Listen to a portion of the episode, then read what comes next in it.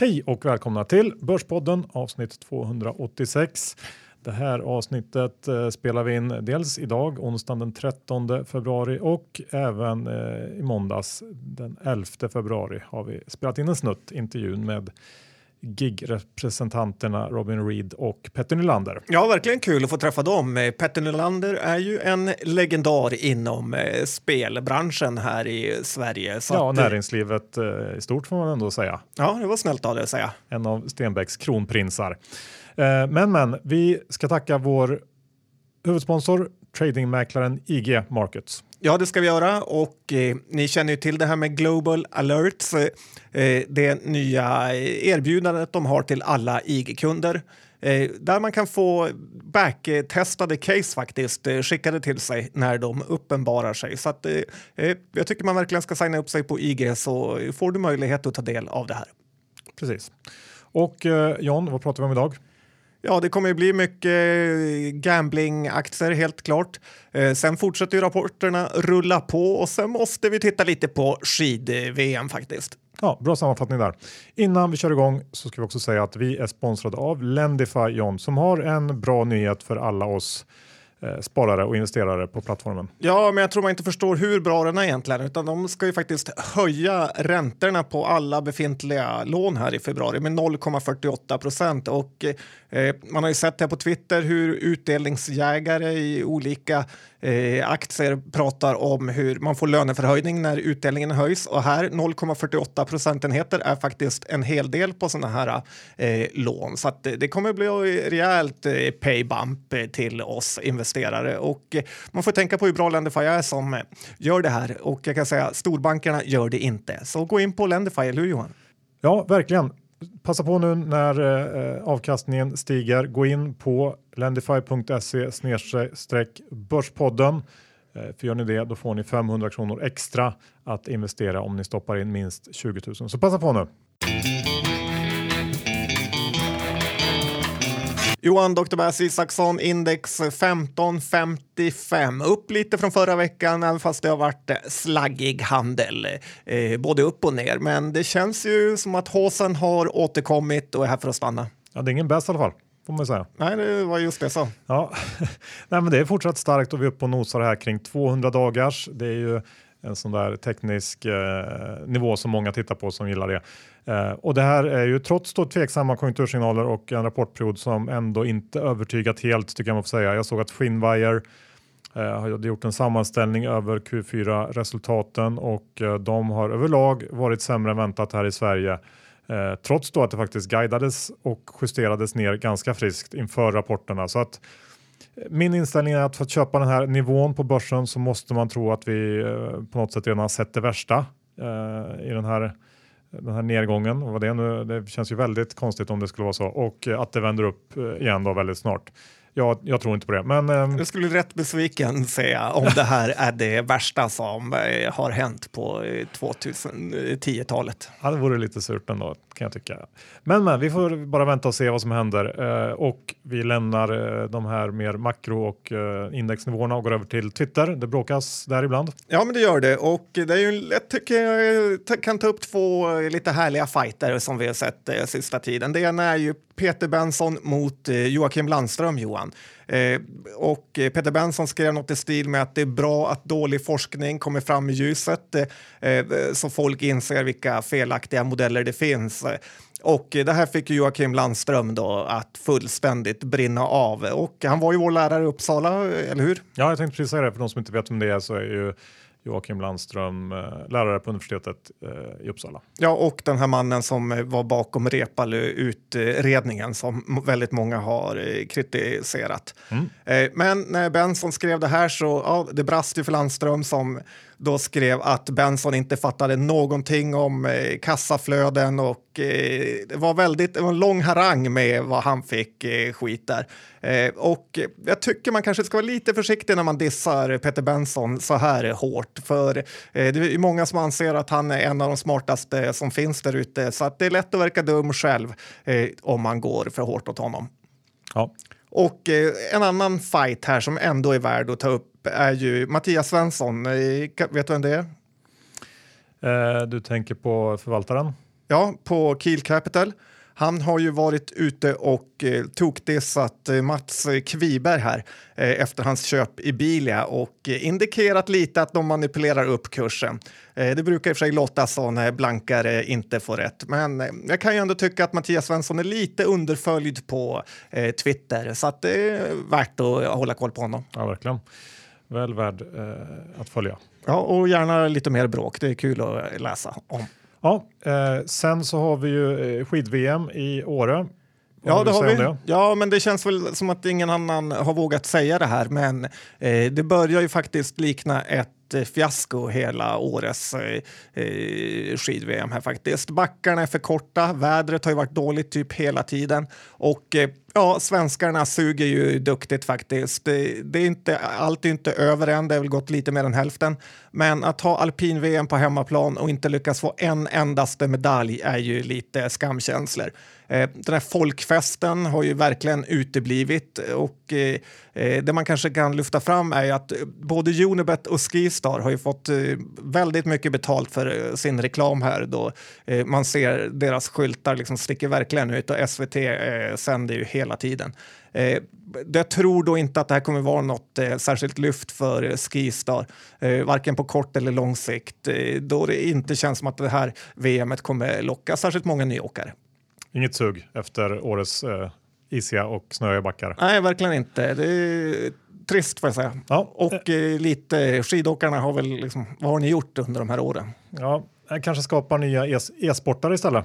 Ja, det är kul att du tog upp det Johan, för jag har faktiskt tittat lite här på e-sport och jag trodde faktiskt inte jag skulle säga det för att, eh, att det här är kan bli intressant för tidigare när man har pratat och tittat på e-sport så har det i princip bara varit sådana här sniperspel eh, och liknande och det är inte jättekul att titta på för det är väldigt ryckigt eh, fram och tillbaka så att man blir nästan åksjuk av att bara titta på.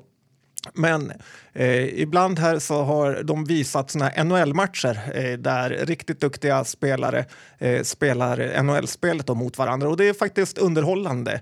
Eh, nästan mer än en vanlig match får jag säga för att eh, det är inga reklampausar, det är inga skador, eh, det är inga tröttsamma byten och eh, bara riktigt, riktigt bra hockey. Oj, en, en helomvändning här av, av dig ändå, känns det som. Ja, men jag tror att e-sport är verkligen sport och då vill man inte se en massa stridsvagnar åka runt och eh, skjuta på saker. Ja, intressant. Du, jag tänker vi går över till ehm, lite rapporter och bolagsnyheter nu. Ehm, igår rapporterade Nolato sin Q4 och då tänkte jag att eh, det kan passa bra att göra en återblick till i somras eh, Eh, och min genomgång av den här aktien då. Eh, jag tog upp den som ett av de absolut bästa blank blankningscasen och eh, jag tänker att vi kan lyssna på vad, vad jag sa då och sen titta på hur det blev. Mm, det finns ju som alla vet många mysterier på börsen. Och ett av dem är, tycker jag, värderingen av Nolatos aktie. Kom eh, som väntat med en väldigt stark Q2 drivet av den här delen som heter Integrated Solutions, eh, vilket då är ja, där, det området där man har eh, de här vaporizer-produkterna. E-cigg. Ja, exakt. Och eh, inom det här området så har man levererat väldigt höga volymer under Q2. Totalt sett så eh, ökar omsättningen för hela koncernen eh, under Q2 eh, från 1,7 miljarder till 2,3 och rörelseresultatet går från 178 till 266. Men tittar man lite närmare på de här siffrorna så står Integrated Solutions för nästan 80 procent av tillväxten både i omsättning och resultat. Och resultattillväxten för gruppen i övrigt, om vi tar bort den här delen, eh, var betydligt mer beskedliga 11,8 procent. Men det som var intressant här då, i den här rapporten är att man uttryckligen skriver att inom Integrated Solutions har man haft extremt höga lanseringsvolymer och lageruppbyggnad hos kunden och att slutkundsefterfrågan kommer att stå för merparten av volymerna under resten av året. Vilket då enligt vd i en kommentar efter rapporten innebär volymer som är i linje med Q4 2017 och Q1 i år. Och då omsatte man runt 250-300 miljoner mindre än i Q2. Eh, dessutom så skriver de då att de här temporärt höga volymerna hjälpt till med att dra upp marginalen, vilket då innebär att om vi tittar på resten av året så kommer ju vinstutvecklingen att bromsa in rejält för att i Q4 kanske till och med närma sig eh, ja, nollstrecket eller väldigt låga tillväxttal. Eh, givet också att den här goda konjunkturen håller i sig. Eh, och tittar man på rullande 12 så gör väl Nolato 28 kronor per aktie. Kanske blir lite mer, men inte så mycket tror jag eh, för helåret 2018, vilket då innebär att vi har en, ett P-tal på 26. Eh, det är alltså P26 för en kontraktstillverkare som om ett par kvartal knappt växer alls på toppen av en konjunkturcykel. Och det ska tilläggas John, med en huvudägare som agerar eh, märkligt tycker jag. Jag tänker på den här Hamrin-stiftelsen som eh, sålde aktier för över 100 miljoner i början på juni, kring eh, 780 spänn. För att sen då på rapportdag köpa tillbaks eh, en del betydligt billigare. Känns inte seriöst tycker jag och eh, inte den typen av ägare man vill ha i ett bolag. Och eh, jag har kortat Nolato. Ja, det där var ju riktigt snyggt av dig faktiskt. Jag var inte riktigt lika negativ alls, men eh, ja, snyggt Johan.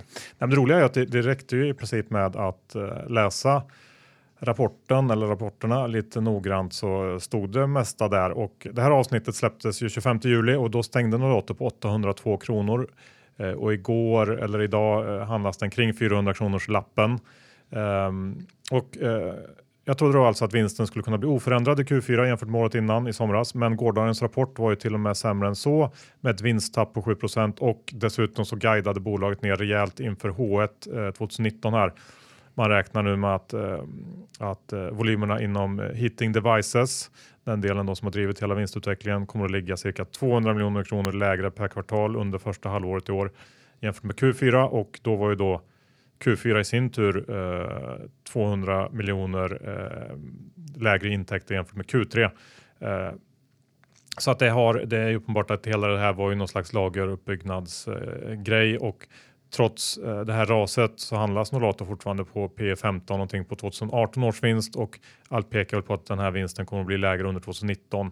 Eh, känns ju som att det fortsatt en, finns en nedsida i den här aktien kan jag tycka. Ja, det låter ju så. Å andra sidan är de ju skuldfria och varit eh, duktiga på förvärv. Så blankar man den här aktien dyrt så kanske man ska vara nöjd. Du brukar ju prata om att landningsbanan är kort för blankare Johan. Här har den varit eh, eh rätt lång faktiskt, bara brantare och brantare. Ja, och man, man har ju ändå fått då 50 i fall i aktien sen i somras. Så att det är väl eh, som du säger, det är väl inget läge att kanske gå kort nu, men jag blir absolut inte köpsugen heller. Eh, vi kan gå över till något roligare. BTS släppte, släppte en omvänd vinstvarning här i veckan. Ja, jag undrar egentligen varför de gjorde det. För att eh, var ju lite så bolaget växer ju över 10 procent eh, bit och eh, från förra året då. Så att jag menar om man är ett litet bolag som knappt eh, lämnar eh, prognoser så behöver man egentligen inte göra någon så här omvänd vinstvarning. Det känns ju mer som att man lurar marknaden särskilt i sådana här illikvida bolag eh, som, eh, där småspararna lätt går bort sig. Eh, man får ju ändå säga att BTS har ju utvecklats väldigt, väldigt bra eh, genom åren. Tuffa på kvartal för kvartal. Eh, känner lite ändå att den är fullvärderad här uppe i 160 nästan kronor. Så att eh, ja, jag vet inte om ledningen är sugna på att casha hem om det var så här de gjorde. Men eh, ja, kul för BTS-ägarna som eh, har hållit i. Ja, jag har inte att tillägga där. Jag håller med. Eh, Oscar Properties då? Ja, här har vi lite skvaller ändå från Torstorn och eh, för de börjar ju bli till eh, större delen inflyttade. Man kan ju slå in Torsplan på Hemnet så kommer det upp en eh, 15 lägenheter där som är ute till salu i de här Torstorn. Hälften är ju eh, andrahandsmarknaden kan man säga och hälften är ju eh, att de fortfarande är ny och krispiga, orörda kan man säga. Mm. Eh, och eh, de, vad jag har hört så har ju många av de här lägenheterna fått ordentliga nedslag från besiktningsmännen eh, då lägenheterna har stora fel som de måste reparera. Och, eh, de här felen är så stora att man inte kan bo kvar där utan man måste fixa ett annat boende.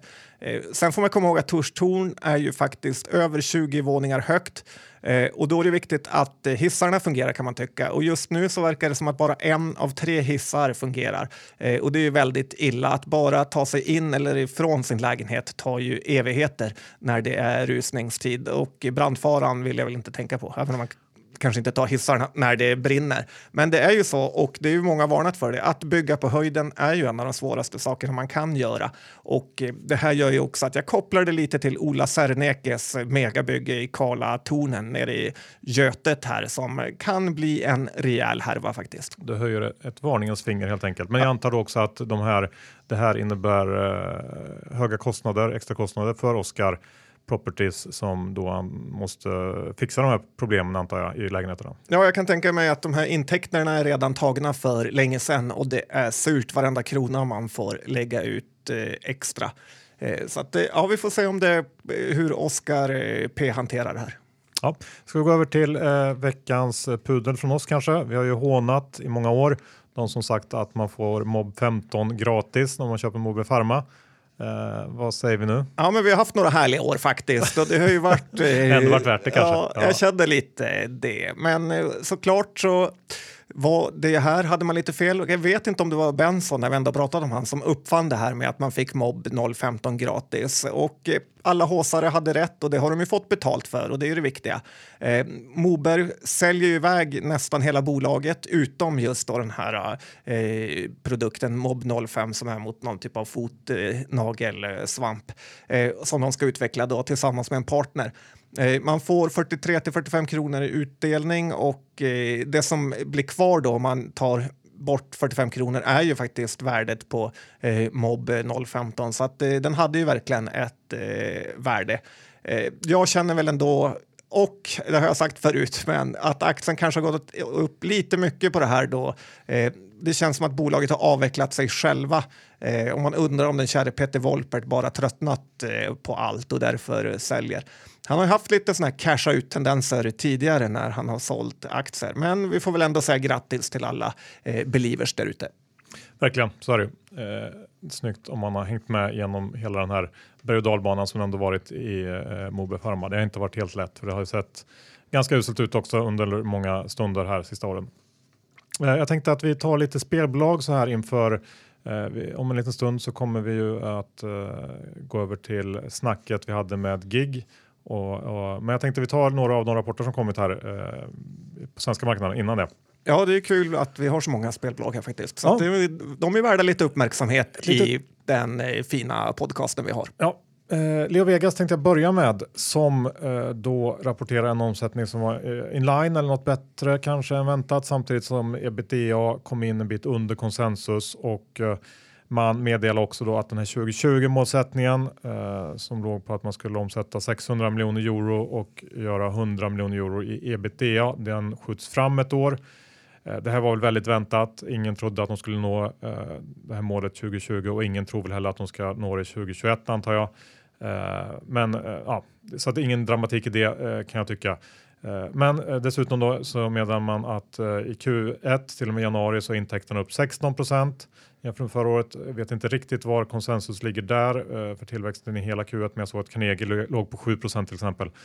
Um, och att givet då att intäkterna är ner lite i Sverige i januari eh, efter den här regleringen och mycket bonusar i början så innebär det att eh, de övriga marknaderna presterar riktigt bra faktiskt och problemen i UK verkar också vara på väg att vända. Så att jag köpte faktiskt aktier på den här rapporten givet dels så att sentimentet i aktien eh, är så dåligt det kan bli i princip.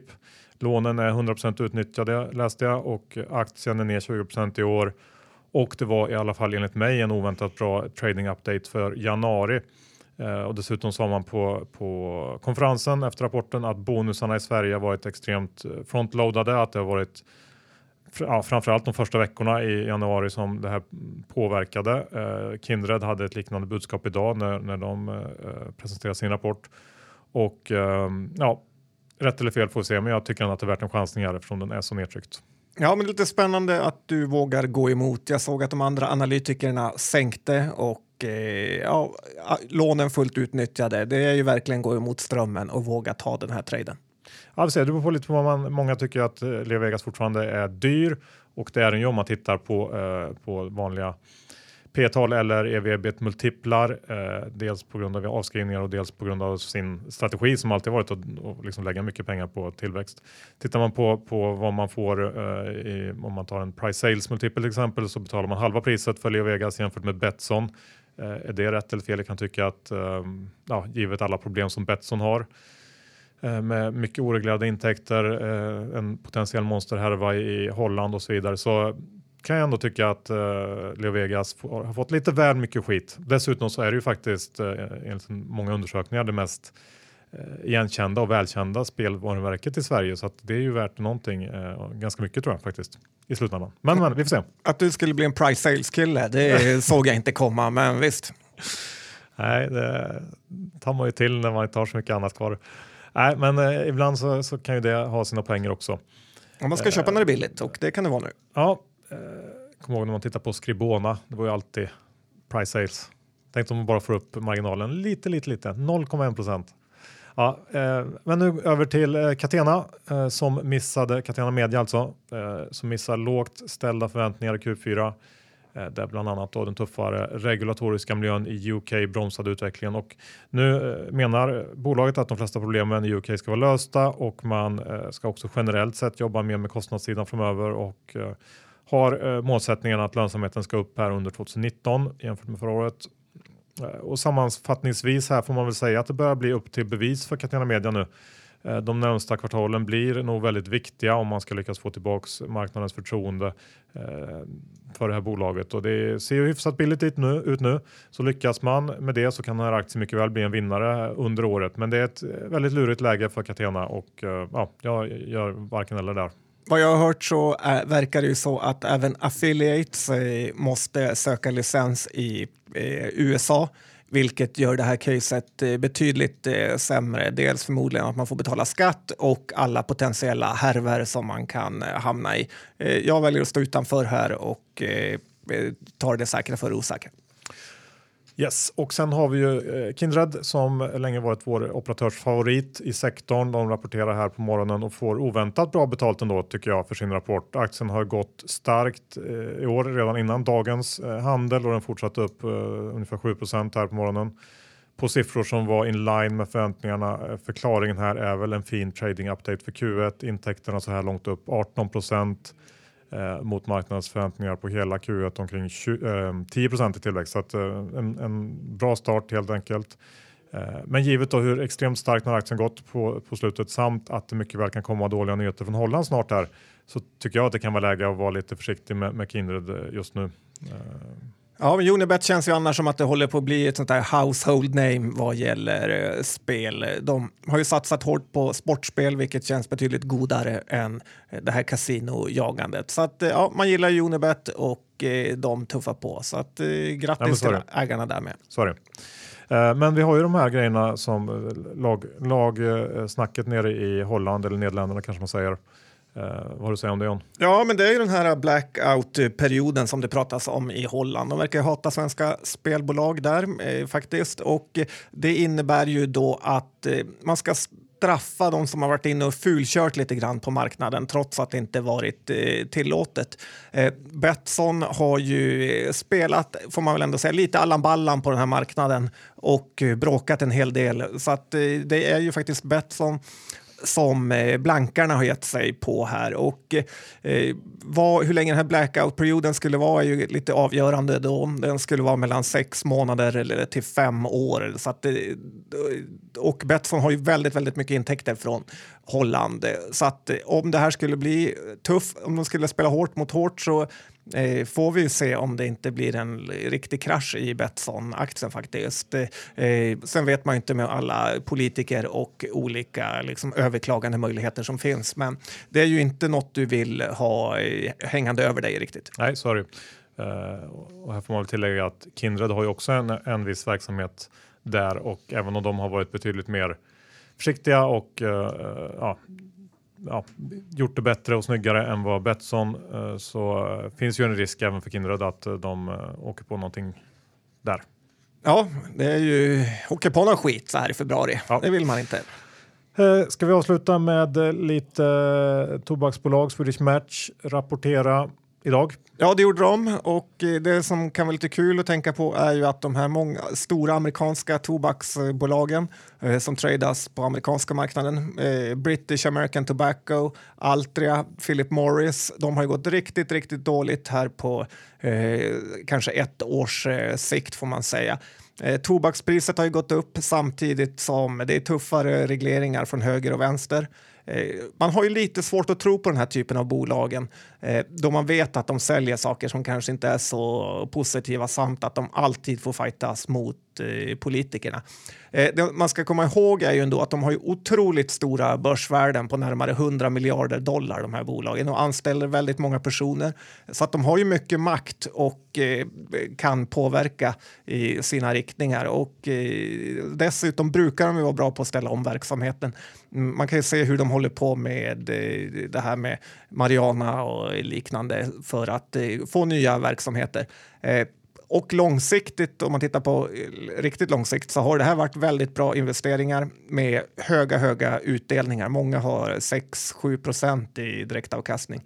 Eh, tittar man här då på Swedish Match eh, som ändå känns som ett eh, fint och eh, lite godare bolag än de här som säljer fulcigaretter eh, så är ju det här nya snuset de har som Bodenholm Per pratade en hel del om. Eh, det ska lanseras på nationell nivå i USA nu och eh, Ja, det finns lite drömpotential. Aktien är upp 7% idag, så delar ut 10,50. Så ja, vi får se vad som händer, men eh, det är både upp och nedsida här. Yes.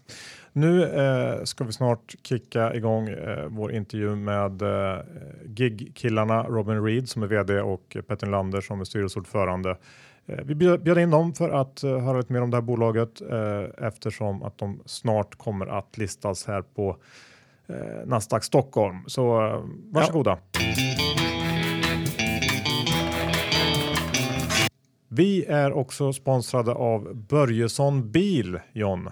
Ja, det är vi Johan och eh, vi har ju båda köpt eh, bilar därifrån faktiskt och eh, det är inte för att vi vill vara snälla med Per H, för så goda är vi inte, utan eh, det är för att de ger en riktigt, riktigt bra deal. Nämner du dessutom att du vill ha Per H-rabatten så eh, blir säljaren lite vit i ansiktet faktiskt och det är bara antingen gå in på deras hemsida eller att ringa dem så får man en offert och eh, när man, eh, om man väljer att köpa bilen då så kör de ju upp den och parkerar den utanför ditt hus. Det kan knappt bli bättre faktiskt. Eh, de har både begagnade och nya bilar. Och Johan, sen har vi hela kicken på det hela och kan du berätta vad det är? Ja, men det är ju den här lunchen med Per H Börjesson som då ingår eh, som en bonus på köpet om man köper en bil. Så att, eh, det är inte så mycket att fundera på. Ska ni ha en ny eh, eller begagnad Audi eller Volkswagen Eh, Skoda Seat. Ja, då är det bara att höra av sig till Börjesson Bil.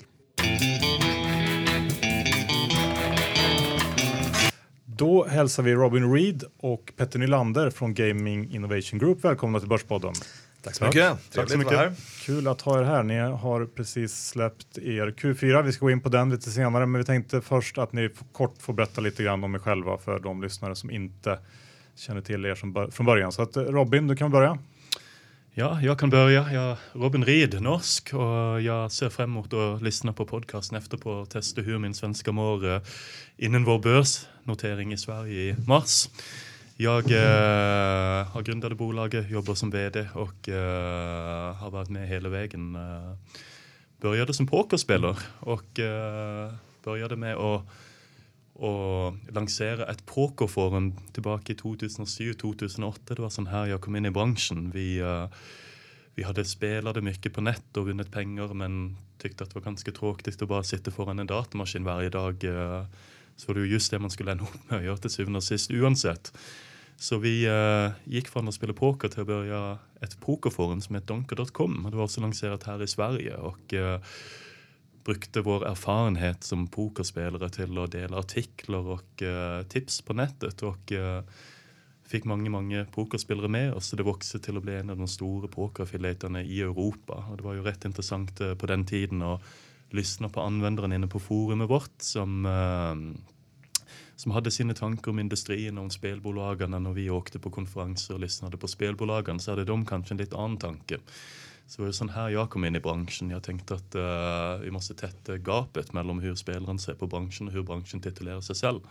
Så jag kom in i branschen i 2008 och 2009 och uh, tänkte att uh, vi kunde ändra customer orientation i AI gaming. Och, ja, det är mitt uppdrag. Ja, kul att höra Jag har en pokerspelare här. Vad är, vad är dina främsta meriter som pokerspelare?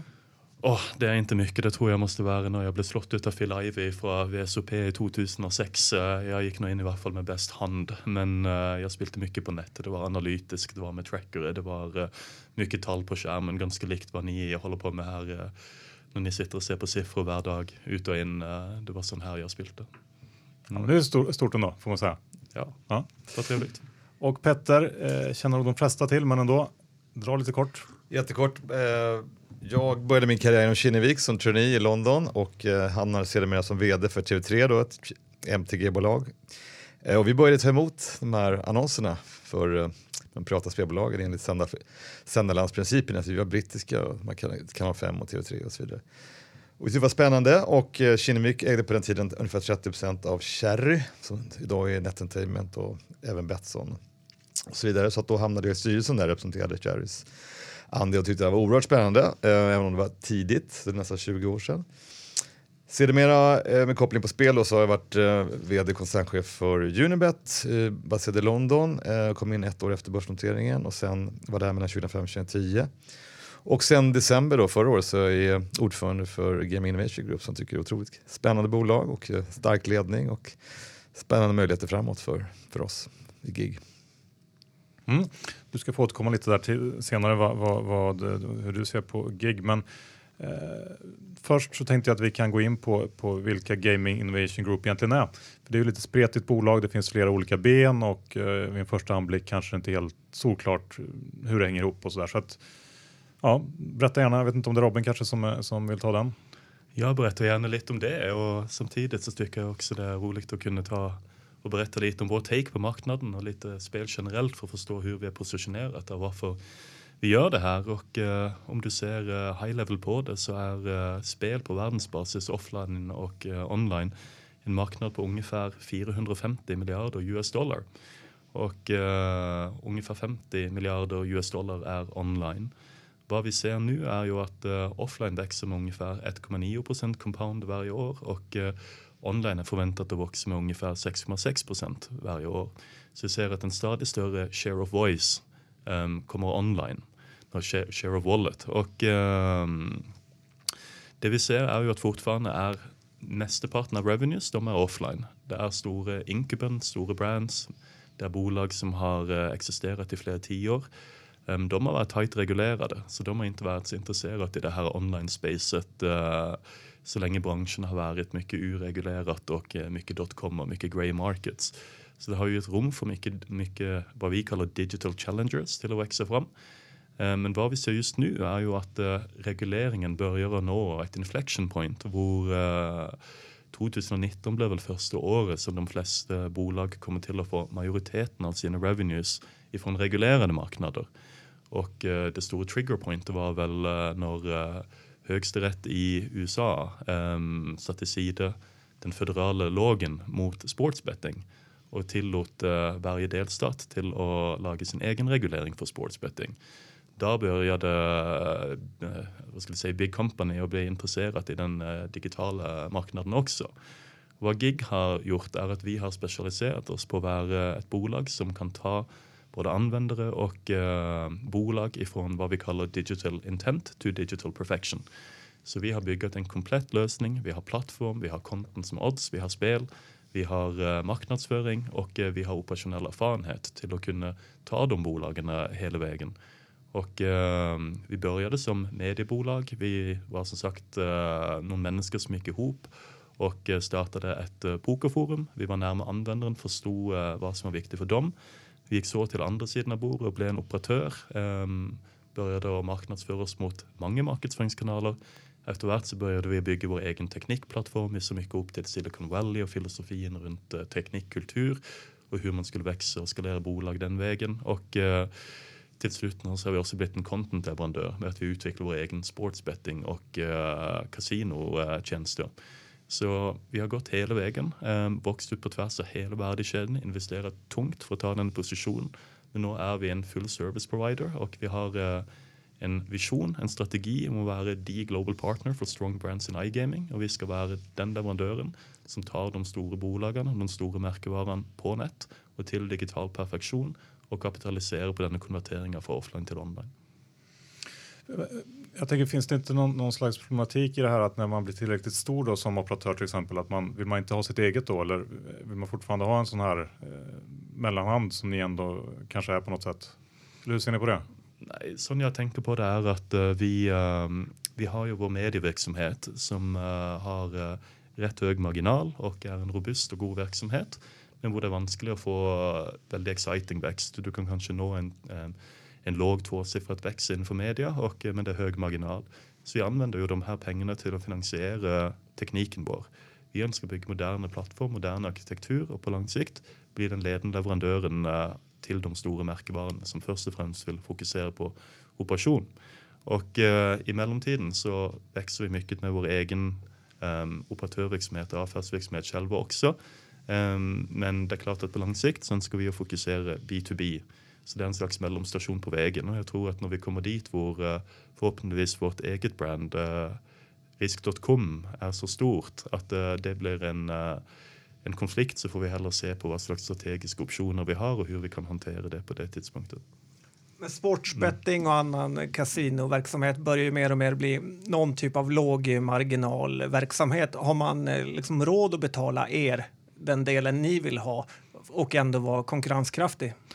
Ja, vet du vad, jag tänker lite omvänt på det. Alltså, historiskt sett så har det varit så att eh, många operatörer, de stora, har ju byggt sin egen teknologiska arkitektur de har ett högre eh, degree of in-house control. Men efterhvert så måste du börja tänka lite på hur det splitter euro och dollar skulle jag kanske säga. Det är rätt många stakeholders som vill ha lite av kakan. Det är eh, regulatoriska myndigheter, i USA kan det vara sportfranchiser, marknadsföringspartner och så vidare. Det blir ju ett press på marginaler. Och eh, kanske vill en stor operatör i framtiden ha 10-15 procent eh, ebitda-marginal så måste de se på hur de kan växa detta lite. Hur kan det bli 17-18 procent? Och där tror jag det är ett stort potential att se på tekniken sin. Um, ehm, om ni ser på vad teknologi och vad produkter man faktiskt använder som operatör så är det ju inte så stor skillnad ifrån operatör till operatör. Det är backoffice-system, det är kundebehandling, det är data, det är infrastruktur. Jag tror det skulle vara mycket bättre att en central aktör tog sig av och blev specialiserad på det här och uh, utvecklade och att man fick en slags cost sharing mellan de stora operatörerna för så säljer det vidare till operatörerna och en öppen arkitektur gör att de kan skilja sig ut på hur de använder systemet och inte om de använder systemet. Så jag tror uh, det kommer till att växa fram en sharing economy i iGaming just som det har gjort i banking och andra vertikaler uh, av e-commerce. Men en annan grej jag tänker på som du mm. sa där, det är att allt blir mer och mer lika. Hur, om eh, vad har man för konkurrensfördel och hur kan man särskilja sig om man använder ert, eh, er produkt eh, så att man inte ser exakt likadan ut som liksom grannens betting-sida? Jag tror inte nödvändigtvis alla blir så lika, men om du ser på backoffice och vad som faktiskt ligger bak så är det otroligt mycket overlap mellan vad man behöver för att starta, för att börja och för att operera en, uh, en uh, iGaming-verksamhet. Ta ett exempel på hur vi differentierar oss. Vi har lanserat en full um, retail och online-lösning i USA. På kasino så kan du faktiskt nu gå in på Hard Rock Atlantic City i USA. Så kan du registrera dig uh, när du går in på kasino och automatiskt få en konto på vår digitala plattform. Ehm, um, så att om du spelar både offline och online så vill du få lojalitetspoäng. Um, du vill kunna sätta in och ta ut pengar ifrån din digitala wallet till en slottmaskin direkt på kasino och andra vägen. Om du vinner på slottmaskin så skulle du inte gå upp till kassan, du ska bara ta direkt ut till mobilen din som ligger i lommen. Ska du kunna spela vidare när du kommer dig hem. Det är ett exempel på en unik feature som vi har byggt för Hardrock uppå alla denna fällesarkitekturen. Ett gott exempel på hur ett bolag kan differentiera sig. Men eh, eh, Hardrock som ni ändå designade ganska nyligen var i höstas eller någon gång eh, förra året. Är det ett typexempel på den kund som ni, en sån kund som ni verkligen vill, vill ha? Eller hur, hur, hur ska ni växa? Ja, den tycker jag är oerhört spännande. Eh, om du ser på Harrock så är eh, uh, Harrock International en märkevara eh, som är gott känd på världsbasis. Jämfört med dem själva så är väl ungefär 80 procent av världens befolkning känt med märkevaran. De är mest känt i Europa för att driva kaféer. I USA är de kanske mer känt för att driva kasino. De är eget av Seminole-indianerna i Florida det är uh, 4000 människor. Det är den enaste uh, eh, indianerstammen som är unconquered. De har inte begravt stridsöxen. De är i krig med USA. Det är standhaftiga människor. De har lyckats gott med affärer. Parok är ju ett mycket, mycket stort bolag på världsbasis som de äger.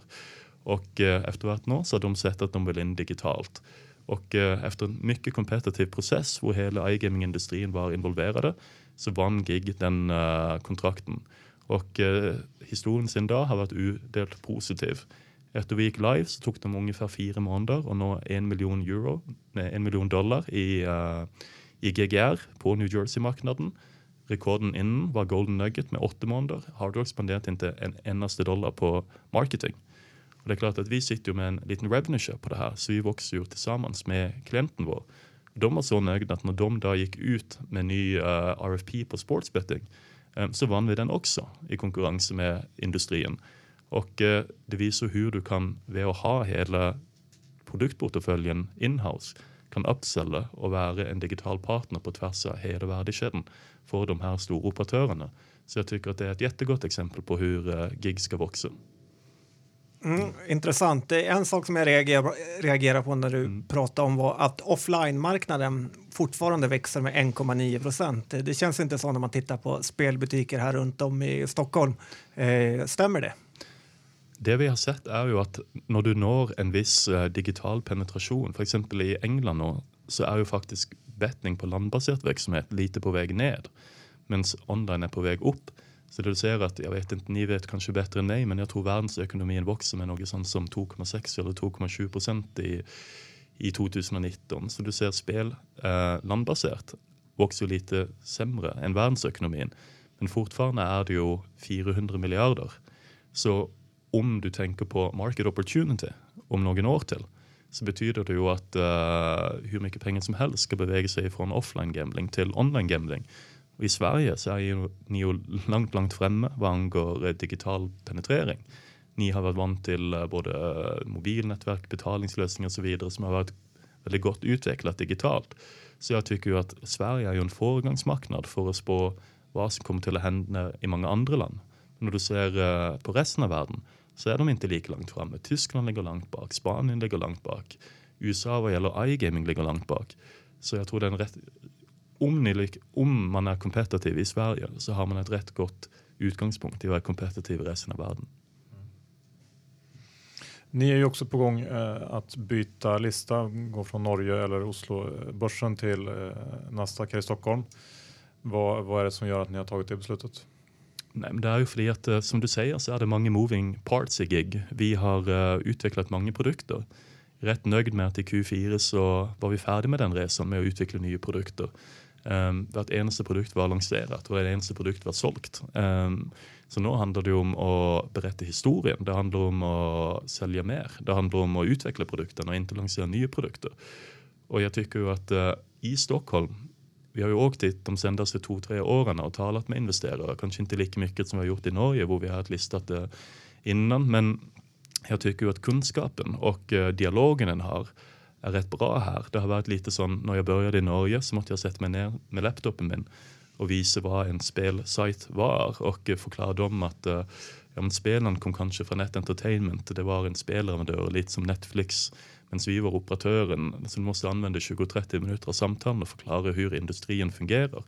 Men när du talar med investerare i Stockholm så kan du gå rätt på the secret source och de förstår uh, varför det är smart, vad vi gör och de har mycket uh, skarpare frågor. Så jag tycker att det är en mycket bättre dialog och ett mycket bättre sentiment för spelbolag här än uh, i Norge. Därför är det naturligt i denna fasen av bolagets um, livscyklus att komma hit tänker jag och berätta historien. Mm. Och um, ni, ni, släppte ju som sagt en Q4 idag. Uh, vi kanske ska gå in lite kort på den, gå igenom vad, vad de viktiga punkterna, hur, hur det såg ut och så vidare.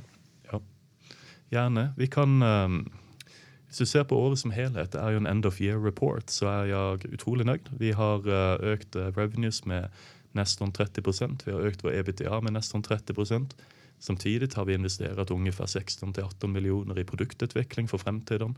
Um, ehm, cash from operating activities var upp 12 miljoner euro för året, så jag tycker att, uh, eh, att bolaget har utvecklat sig rätt bra. Ehm, um, Q4-resultat, vi matchade vår all time high från Q4 2017 på revenues.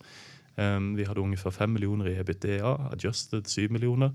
Um, så jag tycker det var ett rätt bra och positivt kvartal för oss. Mm. Ja, jag, jag noterar när jag kollade igenom lite snabbt att, eh, att sportboksmarginalen var rätt hög. Jag trodde den skulle varit, det var ju ett väldigt bra år, eh, eller bra kvartal förra året ja. i Q4. Vad, vad beror det på? Så sportsbookmarginalen eh, är fortfarande, vi har fortfarande inte så stor butik att du vill se en, um, en jämn average på den, ehm, så det är mycket varians. Vi lanserade vår eh, inhouse sportsbook innan eh, World Cup eh, i juni. Vi lanserade på vårt inhouse-brand risk.com. Tog med oss någon erfaring där, dogfooding som de kallar det, när du använder ditt eget produkt i organisationen. Ehm, byggde vidare på det, utvecklade det, började sälja till lite mindre klienter. Efterhvert sålde till en stor klient som Hard Rock. Ehm, men fortfarande så är share of wallet i sportsbetting som totalandel av bolaget rätt låg. Eh, vi är först och främst ett kasinobolag. Men nu växer det. Och nu börjar vi få större kunder och eh, då tror jag du vill efterhvert se att eh, sportsbruksmarginalen sportsbrukmarginalen vill fortfarande vara god men kanske lite flatare. Den var rätt hög i Q4. Mm. När man läser aktieanalyser om er och även det du säger nu att ni har haft en väldigt tung investeringsperiod bakom er och nu ska ni skörda frukterna. Berätta lite om vad ni har investerat i. Ja, vi var ju rätt ambitiösa om ni följer våra presentationer eh, ifrån 2015 och 2016 eh, så ser ni att vi hade en ambition från första dag om att växa på tvärs av hela värdekedjan och hitta kostenergier på den teknologiska arkitekturen, eh, sälja det B2B eh, för att kunna få cost sharing eh, fördelar och skalbarhetsfördelar. Um, och det är inte många som sätter sig ner och säger att de ska ha egen hel värdekedja och uh, utveckla produkter både för sportsbetting, casino, land-based, uh, online. Uh, och så gör det. Men vi gick igenom hela den här. Vi en otroligt passionate organisation som tog på sig hela det ansvaret och jobbat stenhårt. Så vi har byggt teknologi nu. Vi har frontend, vi har backoffice, vi utvecklar våra egna odds, vi utvecklar våra egna spel, vi har casino aggregation, vi har plattform, vi har dataplattform, vi har frontend. Så vi har fått allt ihop. Så det har varit en rätt hög komplexitet för att få det här till. Mennesker måtte jobba stenhardt, og jag måtte investere tungt i hundrevis av ingeniører. Men nå har det kommet i håg, og nå handler det om å gjøre ting bedre og selge. Men varje produkt som sagt har blivit sålt. Så detta är inte något empire building och uh, fantasi om att ha många produkter. Det är en kommersiell strategi vi följer där vi är extremt skarpt fokuserat på salg. Men kommer det verkligen vara så att man inte behöver fortsätta investera så mycket? Är det inte en så hård konkurrens att det alltid är jättehårda och tunga investeringar man får göra för att hänga med? Jo, det är klart, om du ser på gig som helhet så pikade vi på ungefär 750 anställda i Q2 runt sommaren i år. Men om du ser på många av våra konkurrenter så håller de på med en vertikal och har kanske 700 plus anställda. Så det är klart att vi har gjort ting mycket mer effektivt än många andra. Um, nu har vi haft tredje, tredje kvartalet på rad och vi har gått ned i antal anställda. Vi började berätta i början av året att uh, vi kanske hade nått peak, att inte vi skulle lyfta in så många fler anställda i bolaget. Och uh, vi har gått ifrån 750 till 707 anställda de sista, ja, ifrån Q2. Så jag tycker att det är ett gott tecken. Men om vi skulle anställa någon igen eller om vi skulle bli lite mindre människor, det vet jag inte. Men vi ska fortsätta med de personerna vi har. Mycket bra tekniker, mycket bra ingenjörer och vi ska utveckla våra produkter vidare. Men jag tror inte vi ska upp i kostnadsbaser. Och, när vi pratar tillväxt, var, är det man vill se eh, tillväxten komma? I vilket ben? Är det, är det hela linjen eller är det något speciellt område som ni är mer hoppfulla kring än, än något annat? Ja, jag tror att kortsiktigt så vill ni se att eh, mycket av vår kassaflöde, mycket av vår cashflow kommer ifrån vår media arm. Att vi fortfarande vill fokusera på att accelerera vår organiska tillväxt där.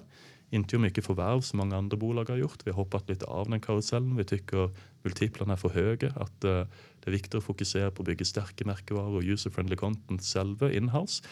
Och så kommer du till att se att uh, på midterm så tror jag speciellt risk.com.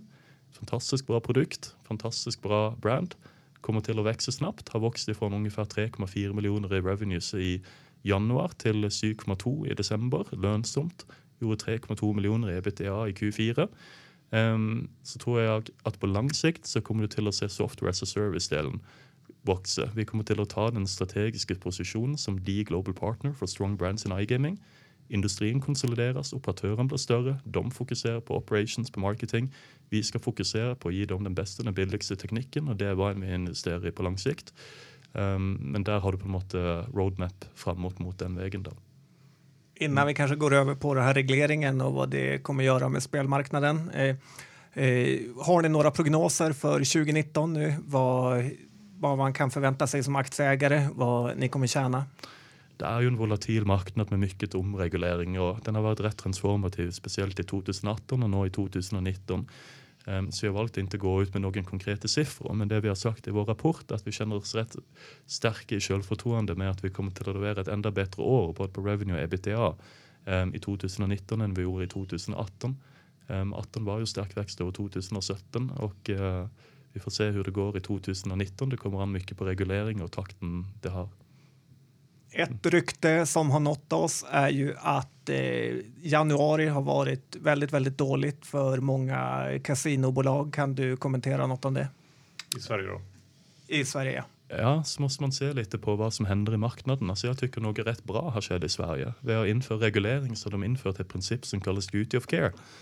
Som i praxis betyder att uh, spelbolagen själva är ansvariga för att uh, beräkna kundens affordability, um, att inte de spelar på en måte som inte är bra.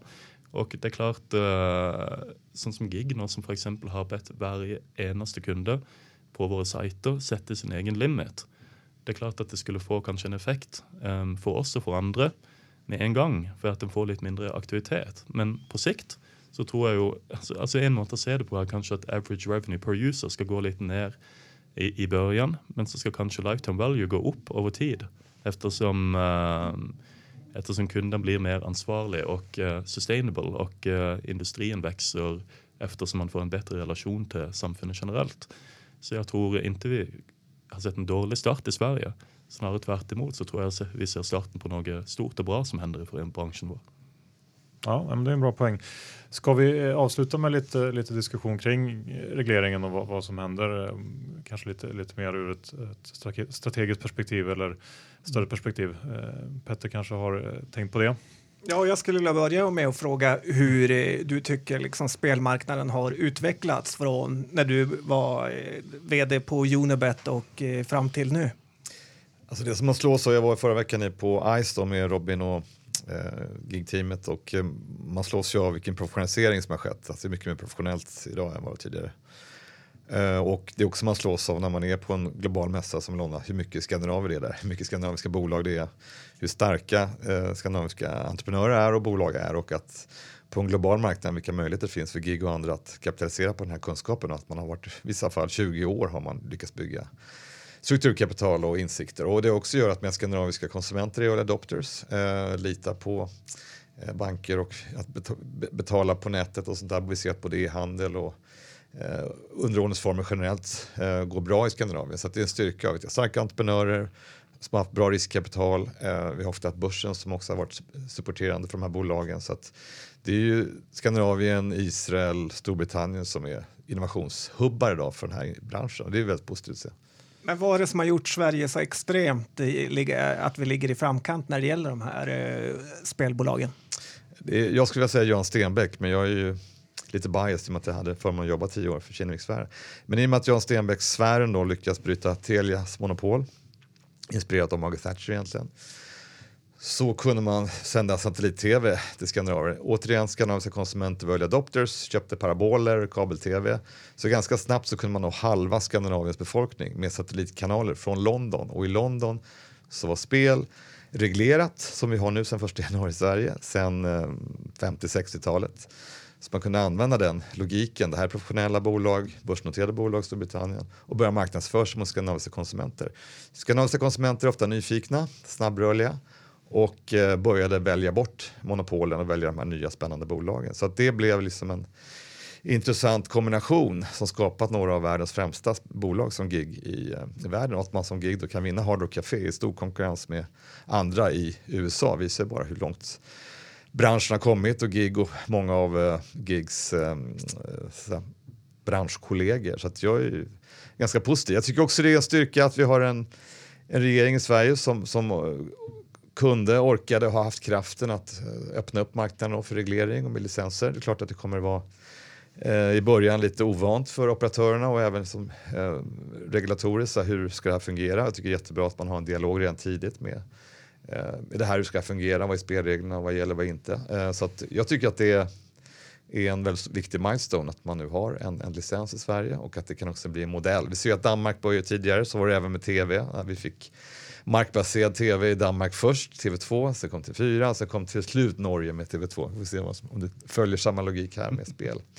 Men eh, det här börjar bli en etablerad professionell bransch med mer och mer professionella eh, management, styrelse, så det är liksom en riktig, riktigt bra industri med stor potential framåt också. Och det som Robin pratade om tidigare, det är ju något som vi har väntat länge, att de stora landbaserade aktörerna som Hardrock och andra som har starka varumärken och har eh, starka positioner eh, i, i spel i en bredare perspektiv eh, har, är sena in i digitalt och de behöver hjälp av gig och andra att, att snabbt kapitalisera på det här. Eh, hela, hela vägen från att hur marknadsför vi oss, hur jobbar med CRM och en aktör som Gig som kan erbjuda helheten med en turnkey solution till någon som kommer väldigt sent in. Det är ju otroligt attraktivt för det är väldigt lite transaktionskostnad för en operatör. Man kan prata med en aktör om helheten och det tycker jag är Gigs styrka som jag är imponerad av.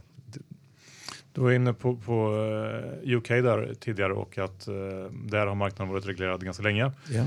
Men eh, trots det så var ju liksom regleringsförändringar och, och, och hur de vindarna blåste var en av de stora frågorna förra året inom gambling och att det blev lite tuffare och man ja, fick skruva om lite grann och höja lite skatter här och där och så.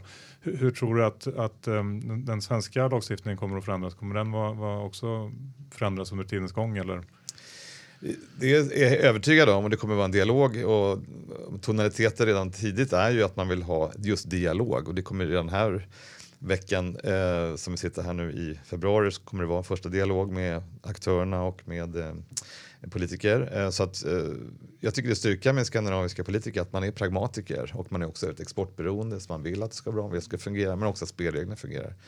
Eh, och det är alltid så att eh, regelverk är ju levande väsen och kommer att vara fram och tillbaka så det där är svårt att, att sia om. Men i grunden är det positivt att vi får en omreglering som gör för att investerare att man kan se vart, vart världen är på väg. Eh, och med mindre politiska risker så borde det bli i teorin multipel expansion, så att säga, mindre risk. Jag har ju en liten eh, tanke där att jag tror att, eh, och du får gärna, eller ni får gärna svara på det här, men att eh, spelbolagen inte alls gillar det här med regleringen. Ni bara låtsas egentligen att ni hade det mycket bättre tidigare. Vad säger ni om det? Om jag kan börja så är det så att GIG är ju börsnoterat företag och det är därför vi är här idag. Vi vill att folk ska känna ett förtroende och känna att bolaget är spännande. Och reglering ger mer förutsägbarhet och tydligare spelregler. Så för, eh, som jag ser på det, de börsnoterade företagen gillar att det finns tydliga regler. Eh, om man är i en onoterad miljö kanske man har en annan syn, men ur börsnoterade företag tror jag att det är bra för investerare, bra för bolagen, det professionaliserar upp, det är tydlighet eh, och tydlighet och är något som normalt sett investerare tycker om. Om du ser på UK som vi talade lite om innan så började ju året ganska tufft för många bolag eftersom de um, införde nya restriktioner och tuffare regler på branschen. Men vad vi har sett nu i Q4 är ju att många har börjat att växa lite igen i eh, uh, UK. Och jag tror att det är ett exempel du vill se överallt. Att uh, inledningsvis vill det bli tuffare och eh, det vill bli mycket mer eh, press på operatörerna vad angår OPEX. De måste lyfta sin compliance-avdelning. De måste införa ny teknik. De måste ha bättre monitoreringsverktyg. Och, eh, men efterhvert så kommer du till att se att det är en mycket mer sustainable affär. Och vi sliter också lite med att det är oseriösa aktörer i branschen. De kommer till att få en mycket tuffare tid efter reglering blir infört. Och det gör att alltså, vad skulle säga, social acceptance för samfundet generellt kommer till att bli högre och det tror jag är mycket bra för branschen. Mm. Ja, det är spännande saker som händer i branschen och det ska bli spännande att följa och vi kommer såklart att följa er nu när ni flyttar in på Stockholmsbörsen. Så att, eh, tack så mycket för att ni kom och berättade lite om gig här i Börspodden. Tack ska ni ha. Tack för att vi fick komma. Slut på avsnitt 286. Eh, tack för att ni lyssnade. Vi är sponsrade och har en huvudsponsor i form av tradingmäklaren IG Markets. Gå in, öppna ett konto och glöm inte bort eh, nylanserade eh, Global Alerts som är riktigt eh, bra och vasst redskap. Ja, eller signa upp er på det eh, härliga morgonbrevet som de skickar ut varje dag. Ja, och Lendify supernyheter för alla som eh, investerar eller som har tänkt investera via Lendify. Räntan höjs med 0,48 procentenheter och det här är ju riktigt bra. Så eh, om ni har funderat på att eh, öppna konto där, gör det nu. Gå in via lendify.se börspodden för då eh, slinker in en 500 extra att eh, investera om man stoppar in minst 20 000 kronor och det är ju en riktigt bra start. Ja, verkligen. Nu när börsen har gått upp mycket är det bra med ett kassaflöde från andra spällen. Ja, och glöm för allt världen inte bort Börjesson bil om du är i bilköpartagen. Det finns nog ingen eh, deal som liknar den här på marknaden idag, vågar jag nog lova. Eh, lunch med Per och Börjesson, det går svårt att värdera i pengar. Ja, ganska svårt faktiskt. Nästan omöjligt. Och eh, det är ju så, de säljer bra grejer, de är ärliga och eh, vi gillar dem. Det är inte svårare än så. Nej, vi har köpt bilar. Så att eh, gå in där eller hör av er till dem om ni vill ha en offert. Sådär, och eh, vi ska avsluta med också innehavsredovisning. Jag är lång eh, Leo Vegas. I övrigt eh, har jag ingen, inga innehav av de bolagen vi pratar om. Nej, jag är pytte pytte mini mini som traders brukar säga lång Leo Vegas bara för att du sa det. Jag tror inte på dem egentligen. Nej, bra. Tack för att ni lyssnade. Vi hörs om en vecka igen. Det gör vi. Hej då!